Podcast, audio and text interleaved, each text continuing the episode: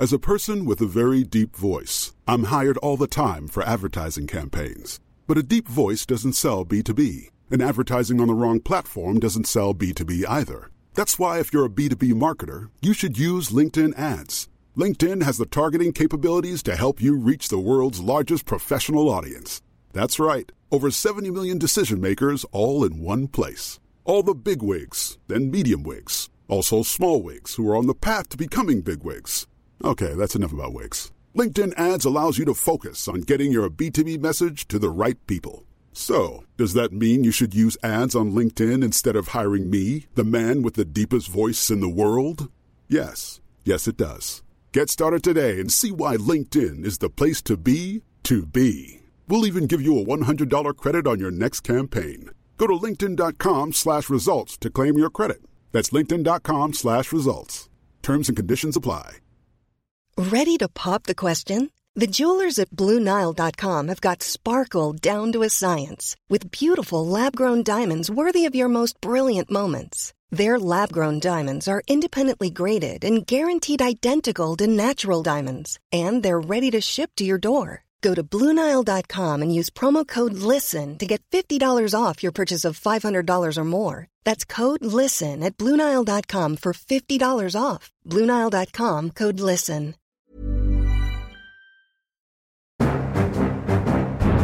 Da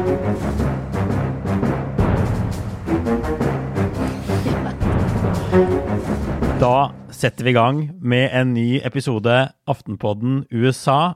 Kristina Pletten sitter i Oslo og strekker og bøyer og tøyer nakken. Er det Betyr at du er klar for å, å få kjørt snakketøyet i en halvtimes, tre kvarters tid? Det tar på å sitte i det lille klesskapet, vet du. Jeg tror Aftenposten Ja, må bygge et større studio til meg.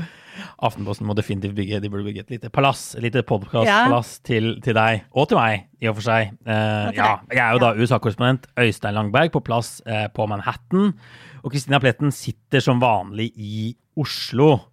Og jeg regner med at det går ganske bra hos deg?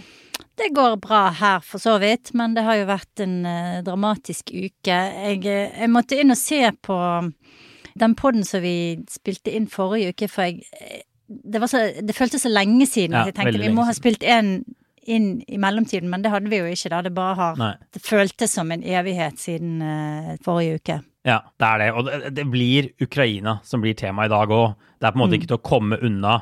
Vi skal snakke om hvordan USA og Biden-administrasjonen har håndtert krigen til nå, og litt om hva den kan bety for den politiske situasjonen her borte. Så det blir en mer sånn USA-fokusert pod. Det er jo tross alt det som også er vårt tema, og hva USA foretar seg betyr jo bare ekstremt mye også for utvikling på bakken i Ukraina og for, for, eh, for ståa i Europa. Um, så Biden har jo selvfølgelig fått mye kritikk. Vi snakket om en del av kritikken fra høyresiden i, i forrige uke, men det er en del stemmer nå som sier at Biden egentlig har gjort en ganske god jobb i denne krisen. Uh, du er blant de stemmene, så vi skal komme tilbake til, tilbake til det. Men vi får ta en liten runde med, med siden sist, da. Um, vi skal snakke om Ukraina, State of the Union, disse type tingene i poden, men jeg vil bare ta med eh, litt om Trump og denne 6. januar-granskningen. Det har kommet noen nye rettsdokumenter fra denne komiteen som ser på stormingen av Kongressen og tar for seg det som skjedde den dagen. Eh, og de mener nå, der ting tyder på at de mener at de kan bevise for første gang at Trump begikk kriminelle handlinger den dagen, at det var en sånn sammensvergelse, da, som de kaller det, for å stanse Kongressens sertifisering, blant annet. Og denne komiteen den går og ruller i bakgrunnen. De har intervjuet 650 vitner eller noe sånt nå. Det er jo på en måte store proporsjoner. Eh, Men det er jo sånn at denne komiteen kan ikke selv ta ut noe tiltale mot Trump eller noe. Det er opp til Justisdepartementet, da. Så nå vil jo Justisdepartementet som det jo sitter en, en, en Biden-utnevnt justisminister, blir lagt en del press på for å se hva de vil gjøre videre med, med denne saken. Men altså, la oss bare skride til verket, da. Krigen er på vei snart inn i sin tredje uke. Det ser ut som russerne gradvis tar over nye områder, eh, mindre byer, noen større byer, men ukrainerne, bildet er fortsatt ukrainerne biter fra seg, imponerer mange. Det går sakte, Russlands fremrykking. Og så er jo de sivile lidelsene det er liksom det som har blitt virkelig tydelig den siste uka, siden vi snakket sammen sist, hvor enorme de sivile lidelsene er, hvor enorme flyktningstrømmene er. Eh, det er på en måte tatt helt ut av en annen verden, og det er det som har vært fokuset for her borte da, i FNs sikkerhetsråd og sånn i det siste. Hva som skjer med de sivile. Ja, og i dag eh, sa vel Jens Stoltenberg eh, på en pressekonferanse at det nå er over to millioner mm. flyktninger. Og det er klart at jo flere som flykter, jo større sivile tap det òg, men også jo flere russiske soldater som ble drept, jo mm. verre blir jo dette her for eh, president Putin å forsvare og opprettholde. Og vi har jo også begynt å se effekten av det vi i hvert fall har kalt den økonomiske krigen, altså Vestens økonomiske krig mot Russland. Vi har begynt å se mm. det nå i Russland tydeligere og tydeligere. Vi snakket om rubelen flere ganger. Den har som ventet bare kollapsa. Falt og falt og falt. Blitt uh, utrolig lite verdt. Børsen har også kollapsa, men vi vet ikke akkurat hvor mye altså denne Moskva-børsen har falt, fordi den har rett og slett vært stengt nå. I dag på dag på dag.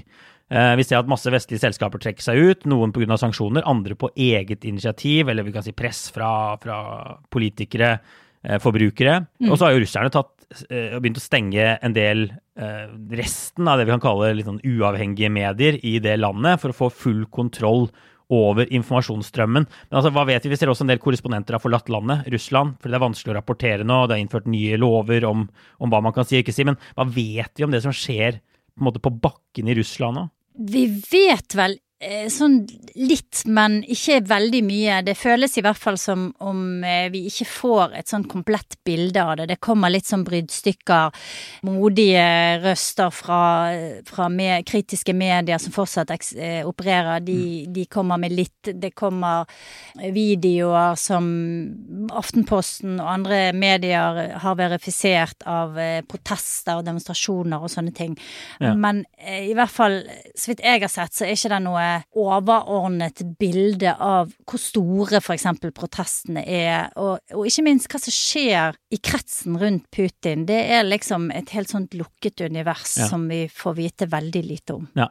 Det drypper litt og litt ut, men du skrev jo en kommentar at det er på en måte et jernteppe som senker seg på nytt over uh, Russland. Mm.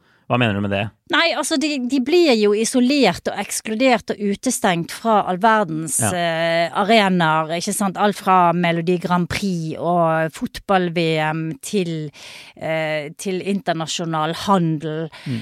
Det som er, er, annerledes nå enn sist gang jernteppet var nede, som jo er krigen og ja. Under den kalde krigen, er jo at denne gangen er det land rundt som trekker ned jernteppet. Det er ikke eh, Russland eller den gangen Sovjetunionen som selv liksom holder tilbake og stenger igjen, Nei. men det er eh, Europa og USA og andre land mm. som har trukket ned et jernteppe rundt Russland. Og det store spørsmålet er jo om det går an for et så stort land, mm. og en så liksom tross alt globalisert samfunn, da, å lukke seg inne i en boble igjen ja. eh, i 2022. Det, det, er jeg veldig i tvil om. Du nevnte dette med store selskaper som trekker seg ut, sånn som Ikea, Hennes og Maurits, mm. BMW, altså alle sånne internasjonale konglomerater har trukket seg ut, eller veldig mange. Og så er det noen som har, eh, blir igjen eh, og får veldig mye pes for det. Ja. Eh, mest,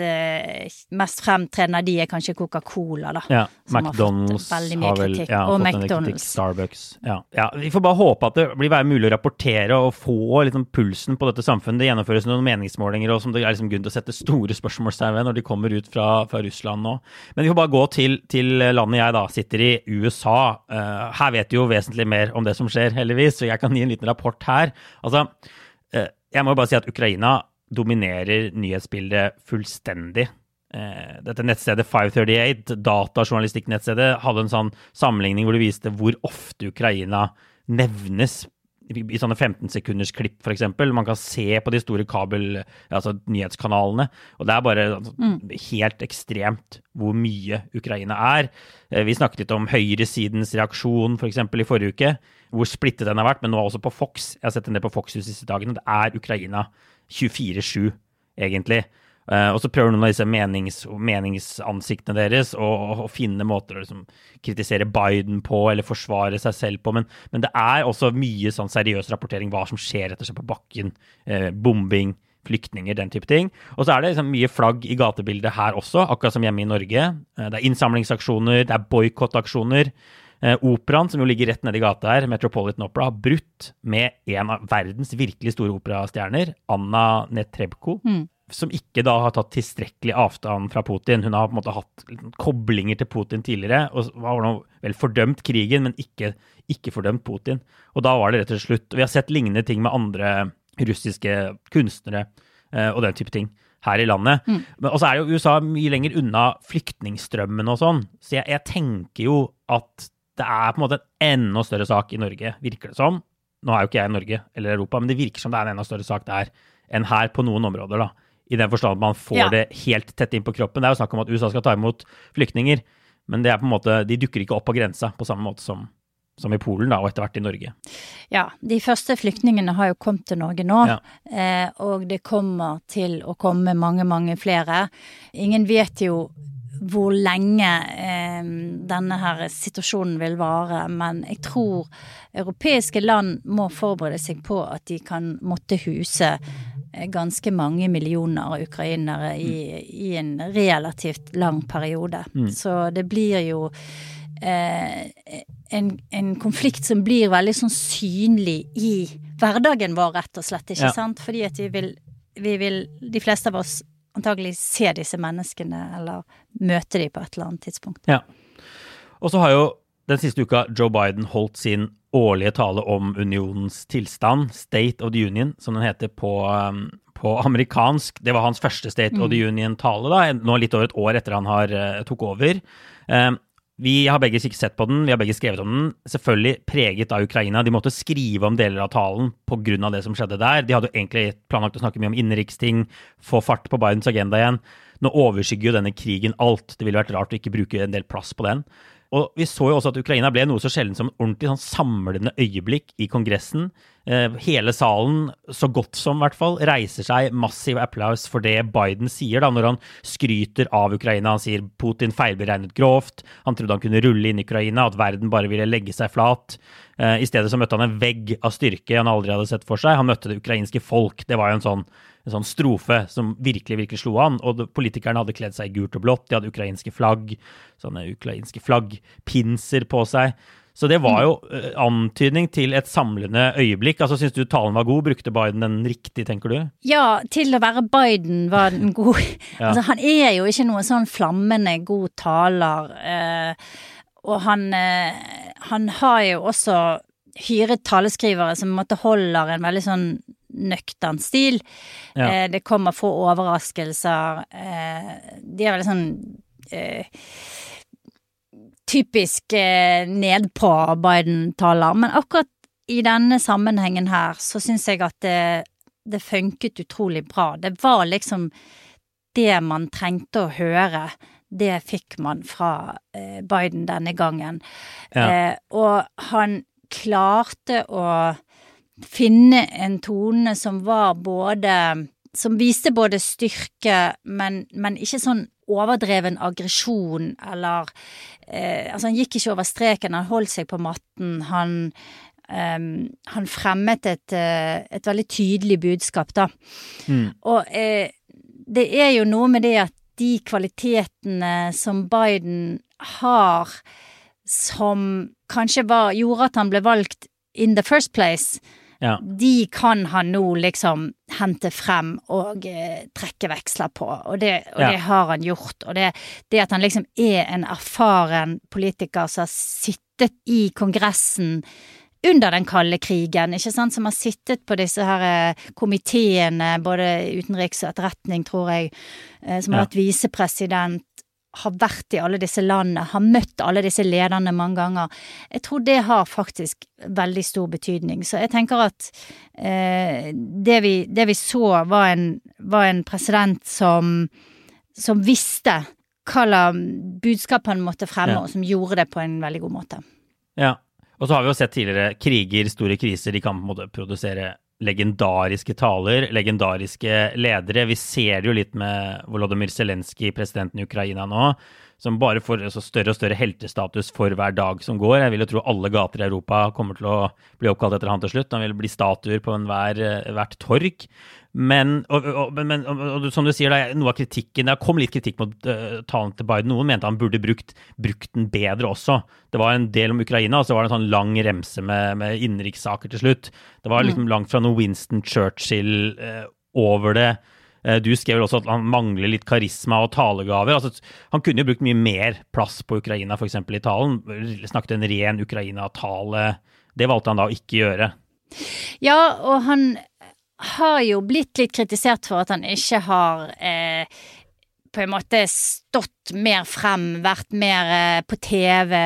Han har jo mm. sendt eh, Anthony Blinken ut som eh, Ja, utenriksministeren. Som, eh, som liksom krigens ansikt fra USA sin, sin side i veldig stor mm. grad, da. Jeg tror at dette her er litt sånn realitetsorientering fra Biden-regjeringen. Dette er det han kan mestre det, sånn han kan takle det. han er ikke Winston han Churchill. Er ikke liksom, Winston uansett, Churchill. Han er Eller Barack ikke Obama, Obama, for den saks skyld. Ikke nei. sant. Og kanskje er det ikke heller det man trenger nå, faktisk. Altså Kanskje nei. er det nettopp en sånn type som Biden. Um, The New York Times sin podkast The Daily hadde en veldig god episode der uh, uh, en av europakorrespondentene deres beskriver hvordan Biden har jobbet på forhånd for å samle ja. Europa. Har ringt uh, og holdt veldig jevnlig kontakt med veldig mange europeiske ledere. Har forsikret de om at USA er til å stole på har snakket med de på en måte som gjør at de liksom redet grunnen for denne samlede reaksjonen som vi så. Mm. Så jeg tror mm. at eh, Biden, selv om han kanskje ikke er liksom den mest karismatiske, svulmende taleren, så, så har han gjort det han kan liksom på bakrommet, på telefonen, person til person, som han er god på, eh, og som har liksom båret frukter i denne situasjonen. Ja, og jeg ser noen noen nå mener at Biden egentlig har håndtert, hvis vi tar et steg tilbake og snakker om hele Ukraina-håndteringen, egentlig har håndtert dette ganske bra. At den Biden vi ser nå, ligner mer på den Joe Biden som velgerne ventet seg da de valgte han inn. Mm. Um, en som skulle samle Vesten, stå opp mot diktatorer, autoritære krefter, gjenoppbygge tilliten til USA internasjonalt. Ikke minst. og håndtere, håndtere, disse tingene, alliansene, bra. Um, og, for det var det han sa før valget i, i 2020. Og så startet jo ikke sånn i det hele tatt. Uh, Biden skuffet jo egentlig Vesten på flere områder.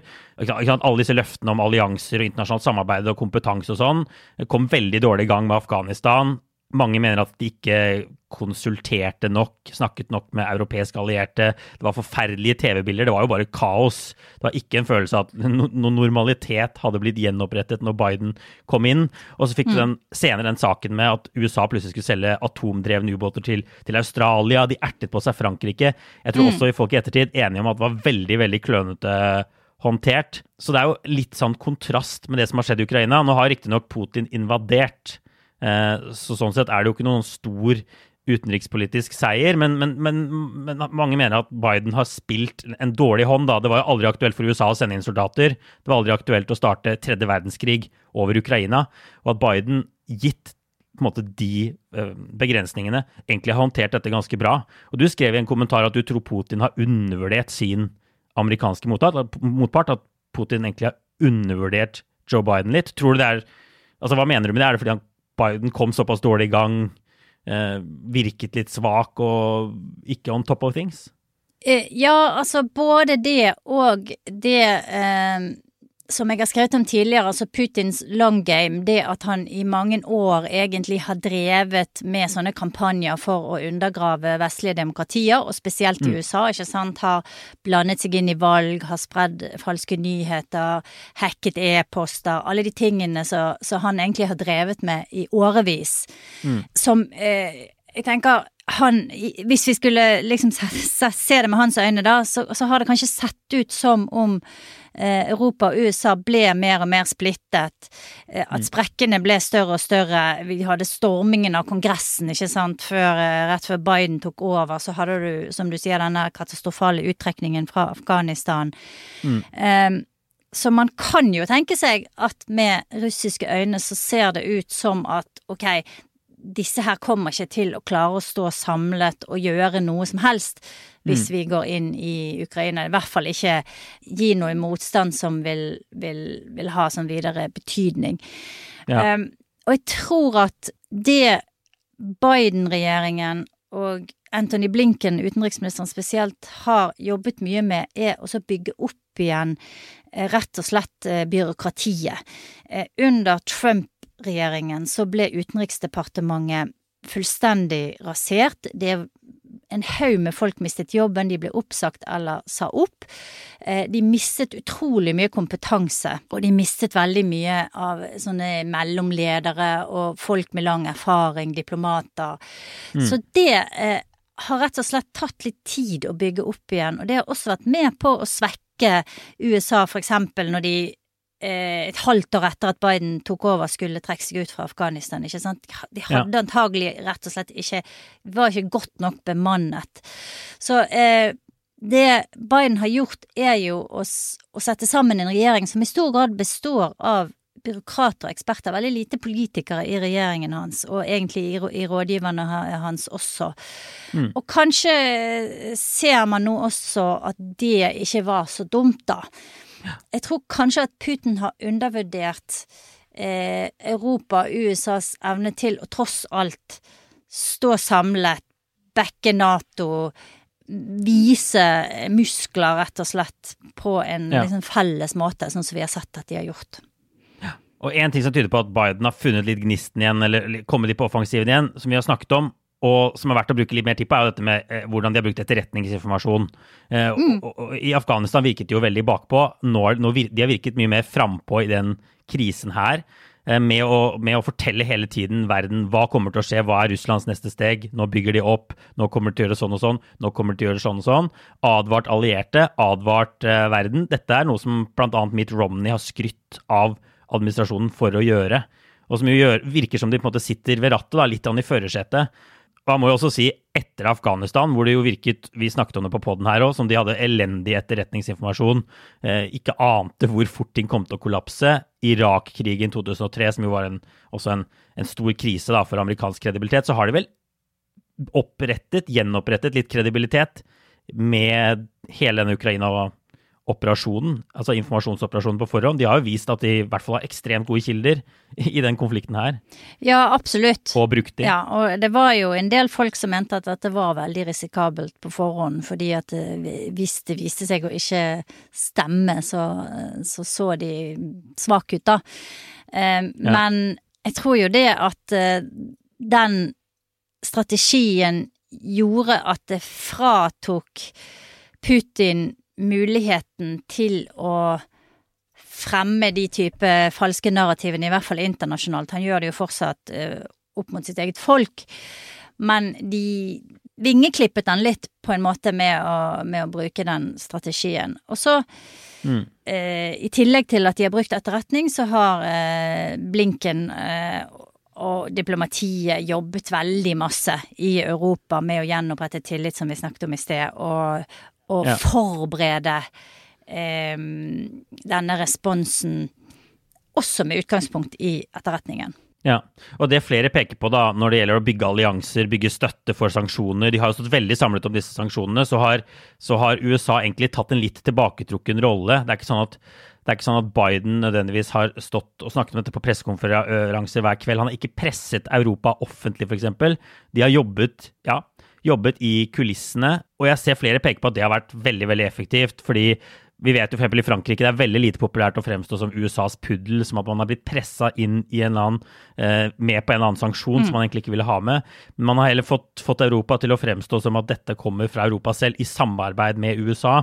Sånn sett har Biden kanskje fått litt mindre ære enn det som noen mener er fortjent, men samtidig så har de fått på plass disse sanksjonene og stått ekstremt samlet og antageligvis gjort mye mer, fått mye kraftigere lut enn det mange hadde sett for seg, kanskje også Putin hadde sett for seg på, på forhånd.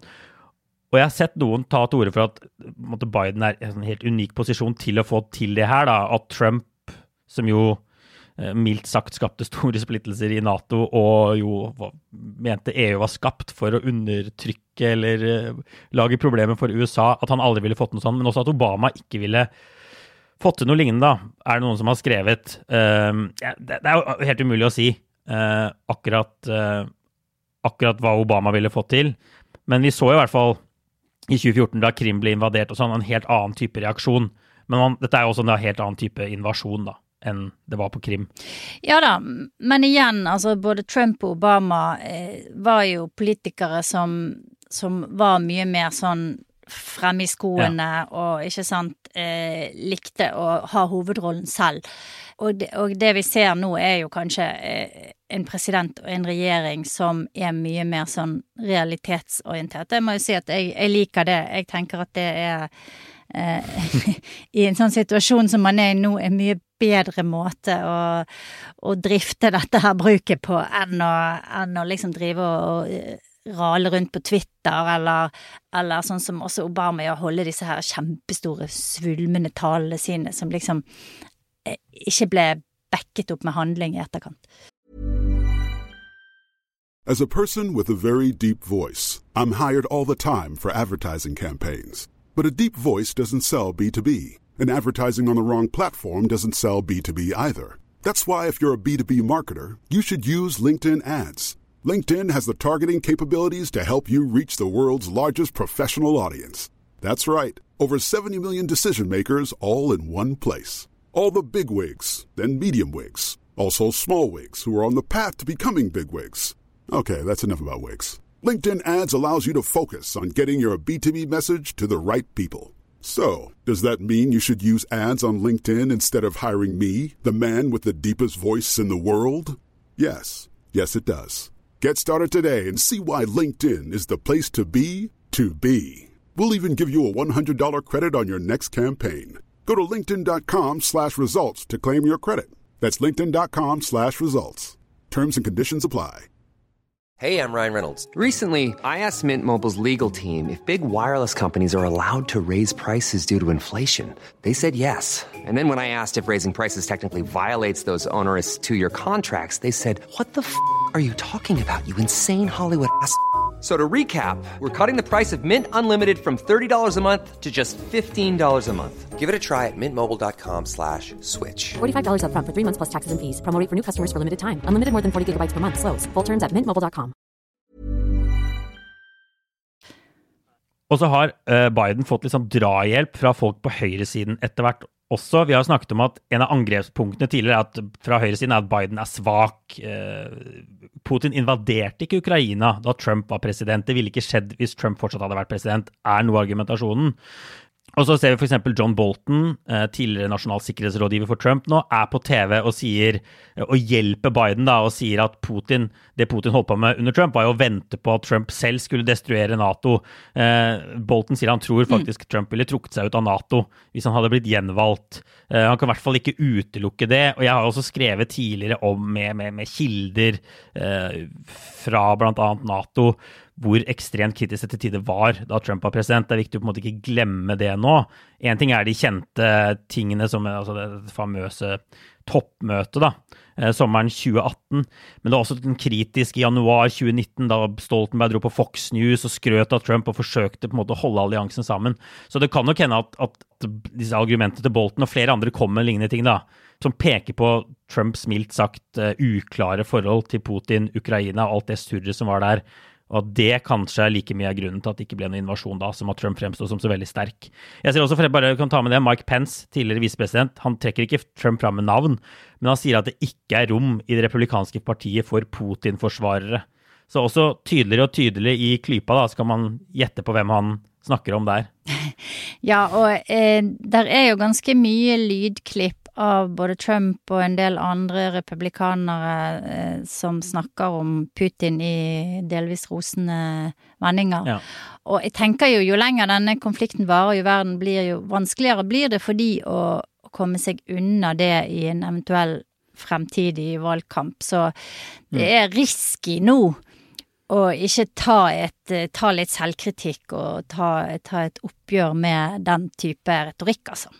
Ja, jeg satt og så på Fox News' store sønn Tucker Carlson i går, og da var det noen som hadde kjøpt sånn reklamespot inni, inni, der med rett og slett en sånn klipp, hvor de hadde klippet sammen alt Trump har sagt om Putin gjennom tiden, all rosen, alle superlativene, med bilder av, av bygninger som kollapser i Ukraina, og Trump sier liksom strategien er genius, altså det han sa jo for veldig kort tid siden, som jo er ganske ødeleggende, som minner om hele den fortiden, alle de tingene. Det er jo en database med uttalelser å ta av når det gjelder Trump og Russland. Som definitivt kan i hvert fall poke, eller altså stikke litt hull i den teorien om at, at, Trump var så sterk, og det var derfor ikke Putin invaderte i, i 2016 til 2020. Ja, og så tror jeg etter hvert at det kan jo være skremmende, rett og slett. For, for, for, for, en god del amerikanere, og ikke minst de som husker den kalde krigen og husker den frykten det innebar, da. Mm. Så kan det nok eh, dette, alt dette som skjer nå, virke ganske skremmende, og igjen eh, å liksom realitetsorientere eh, de som kanskje har tenkt at eh, Putin var en mann de kan samarbeide med, og, eh, og ja. mer venn enn fiende.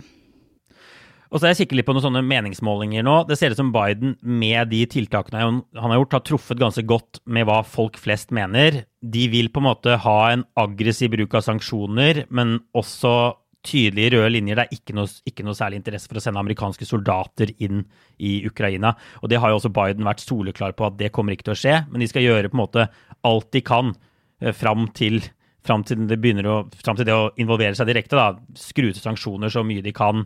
Men ikke, ikke, risikere noe som gjør at det kan bli direkte trefninger mellom amerikanske og russiske soldater, som en sånn flyforbudssone f.eks. Eh, vil kunne være. Og så viser også meningsmålingene veldig sterk støtte til, eh, til Ukraina. I USA veldig liten støtte til, eh, til um, Putin og Russland. Det er tverrpolitisk ekstremt sterk Ukraina-støtte. Så det viser jo også på en måte at de som faller ned på den siden da, og ikke prøver å unnskylde Putin, de treffer nok på en måte folkesjela. Og det er jo litt som forventa også i USA, at det er der, der amerikanere flest eh, ligger. Og så tyder også meningene på at, målingene på at om noe så synes de Biden ikke har gjort nok med sanksjoner.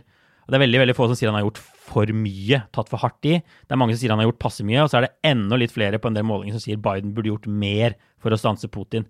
Som også er interessant, da, og et skudd for baugen for disse isolasjonistene som Tucker Carlson f.eks. har vært et eksempel på. Og vi ser dynamikken i Kongressen nå. ikke sant? Der presses Biden egentlig til å ta en hardere linje. Eh, egentlig fra begge partier, men også fra mange republikanere. De vil ha et importforbud på olje. og Nå ser det ut som USA innfører det, f.eks., uten å ha med seg Europa. Eh, det er jo da fordi Kongressen vil gjøre mer. Ja, eh, og det importforbudet på olje har jo vært et stort tema i dagevis, og eh, ja. der blant annet Nancy Pelosi, altså eh, spikeren i Representantenes hus i Kongressen, gikk ut og mm. støttet en sånn eh, boikott av, eh, av, russisk olje, da. Det amerikanerne holder på med på siden nå, er jo å prøve å skaffe olje fra andre kilder det som skjer, er at det er ganske intense forhandlinger med Iran. Eh, man mm. prøver å få eh, på plass igjen en ny eh, atomavtale med Iran, sånn at de kan løfte sanksjonene der, og, og iranerne kan begynne å selge olje til USA. Ja. De snakker også med Venezuela, som også er en kjempestor oljenasjon. Eh, ja. Også et problematisk forhold til USA, men der òg tenker de da at de kan hente olje som kan veie opp for noe av det som de eventuelt taper fra eh, Russland. En tredje ting er også frigi en del av oljen som ligger i sånne kriselagre. Det er det flere, jeg tror over 30 land som har gjort. Mm. Og en fjerde ting etter hvert er at amerikanerne begynner å gjeninvestere i oljeproduksjon, f.eks. Eh, sånn fracking. Skiferolje. Skiferolje heter det på norsk, ja. Jeg hadde glemt hva det heter på norsk. Men det vil ta litt tid å få opp igjen, så det er ikke sånn som kan liksom hjelpe på bensinprisen de neste halve året. Det er liksom snakk om et år eller to frem i tid, da.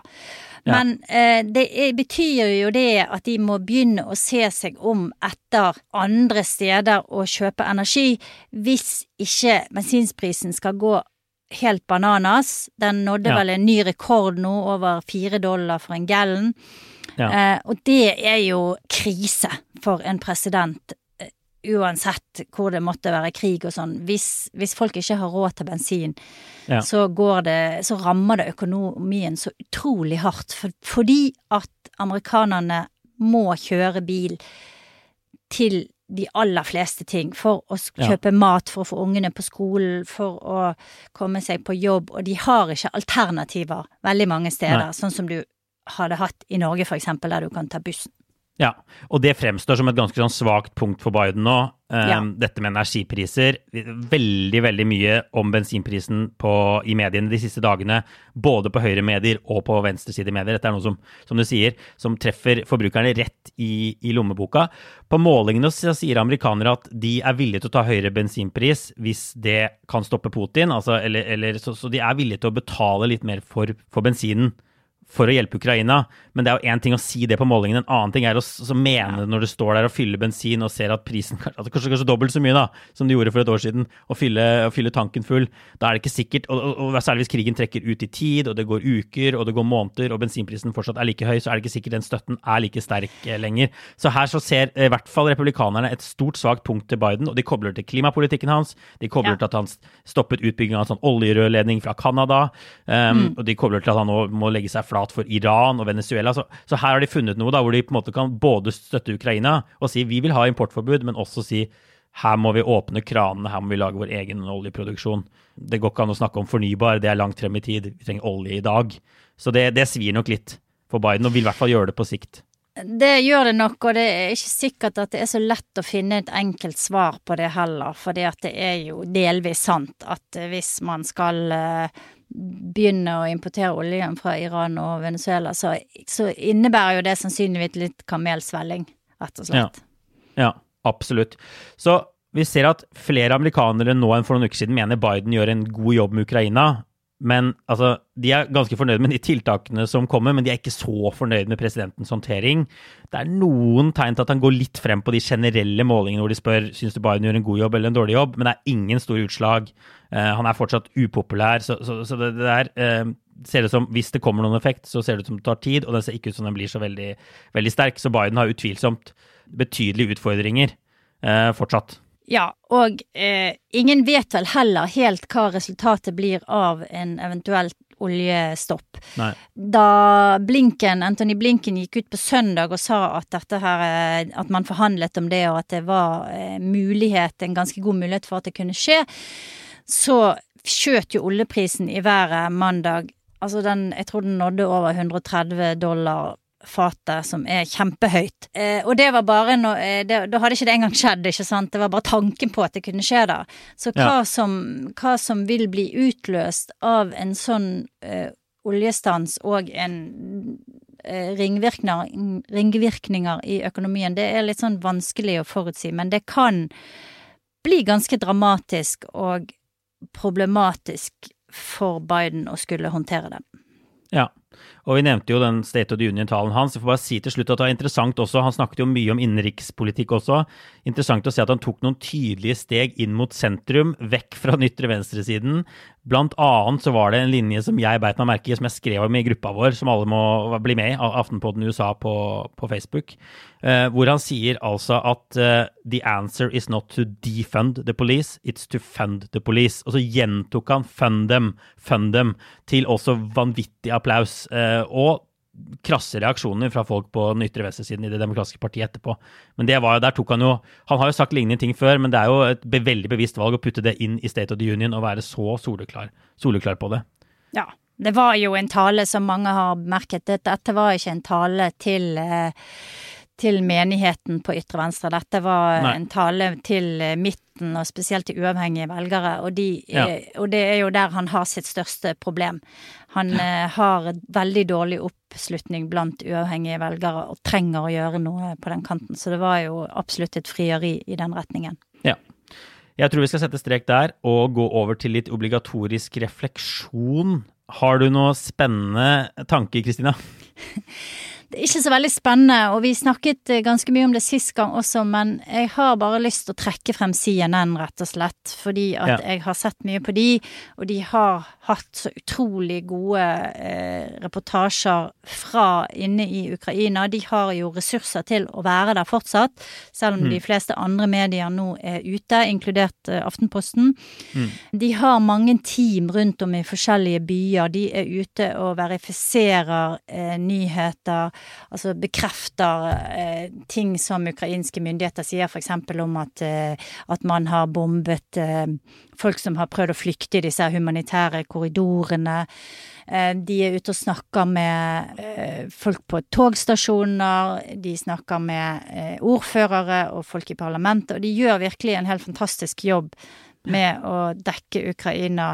Og vi snakket litt sist gang også om at de har jo en litt sånn schizofren TV-kanal, i, i den forstand at de har på den ene siden alle disse talking handsene som bare sitter i studio, og eksperter som som er litt sånn uttaler seg om alt mulig. Men så har de jo denne her internasjonale delen som er så utrolig bra, da. Og nå, nå skinner de virkelig, så de fleste nordmenn har jo CNN International, så jeg vil jo absolutt bare anbefale å klikke innom der eh, av og til og se på det de lager, for det er kjempebra. Ja.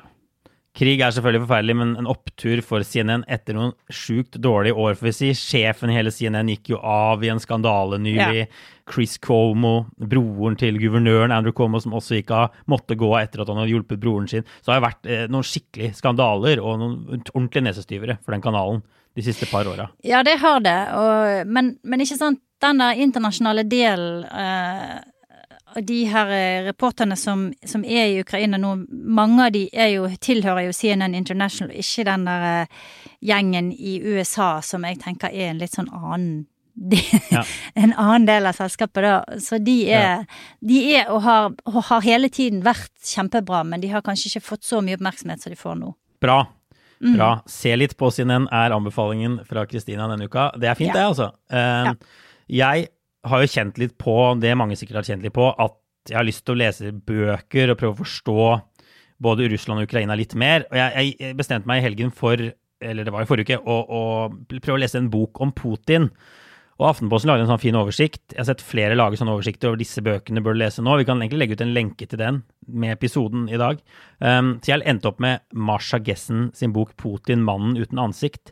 Den er fra 2012, så den er ganske gammel, men trekkes frem av en del kjennere som en av de beste Putin-biografiene. Jeg syns også den er fin. Um, det er slående når jeg leser den hvor lite vi egentlig vet om denne mannen. Hun går ganske langt i å spekulere. Noen mener hun er litt konspiratorisk um, og har vært kritisert for det. Men etter invasjonen, etter alt det vi vet nå, alt det som har skjedd siden 2012, så, så setter det hele Putin i et litt annet lys, og man kjøper spekulasjonene hennes kanskje litt mer enn man gjorde for noen år siden. Um, hun skal beskrive hvordan Putin kom fra intet. Nesten ingen hadde hørt om han. Ble Russlands president over natten. Håndplukket av noen folk rundt Boris Jeltsin, som jo var president før Putin. Folk som senere angret, ikke visste helt hvem de valgte ut, uh, og hva de begikk seg ut på. Uh, Putins oppvekst, Bølle elsket å slåss i skolegården, noe han også elsket å snakke om og fremføre. Um, på en side en mann som sa nei til bestikkelser da han ble tilbudt det. Det finnes noen eksempler på det. På den annen side bare har røvet til seg enorme beløp. Så mye sånne interessante ting da, som hun, som hun trekker opp. Og en veldig spennende ting er jo dette med hvor lang tid det tok for oss i Vesten å få øynene opp og forstå hvem Putin var, og at han ikke var den liberale reformatoren mange så for seg. Altså, Han ble jo sett på lenge som ikke sant, autoritær, men litt sånn kul og morsom. Altså, Mange har gått litt i den fella. Jeg husker jeg, jeg bodde jo i ni måneder i Moskva, vel i 2011. Um, og da kjøpte jeg en sånn T-skjorte av Putin foran peisen, f.eks. Litt sånn morsom greie som de har solgt i det sentrale Moskva. ikke sant? Kunne aldri funnet på godt med det nå, har ikke kunnet gå med det på mange mange år. Men det var jo litt sånn man så på Putin en stund. Um, selv om han Og det skjedde helt sjuke ting. Men jeg, Eh, jeg ble litt nysgjerrig når du. Ja. Ja, jeg blir litt nysgjerrig når du sier eh, at eh, det er spekulasjoner som, eh, som går litt langt. Hva, kan du gi et eksempel på det? Ja, det er bombingen av alle disse blokkene i Moskva eh, og rundt om i Russland rett før valget, da Putin vel ble president første gang. Eh, da var det masse sånn, det masse, har vært masse terrorangrep og ulike sånne bombeaksjoner hvor man har er mye mystisk, ikke sant. FSB har vært sånn, altså sikkerhetstjenesten har vært halvveis involvert. Har de stått bak alt? Har de stått bak noe? Hun, har, liksom, hun spekulerer litt i sånne ting, da. Som jo, da jeg bodde i Moskva, tenkte uh, dette er jo bare sprøyt og propaganda og, og konspirasjoner. Dette, dette er ikke sånn jeg vil tro på. Men man har jo sett at Putin er stand til, i stand til veldig, veldig mye. Um, Så hun tar, trekker fram en del av de tingene der, da. Men altså, Marsha Gessen, 'Putin mannen uten ansikt', er en bok man kan vurdere å lese for å prøve å forstå litt mer om Putin. Og så tar vi imot tips til andre Putin-bøker. Det, det er masse interessant der ute. Men uh, ja, det er nok tiden for å lese sånne bøker nå. Absolutt. Ja, Bra. Ok, da tror jeg vi kan sette strek for denne uka, og så er vi tilbake om en uke med en ny episode. Og inntil da for alle ha det bra.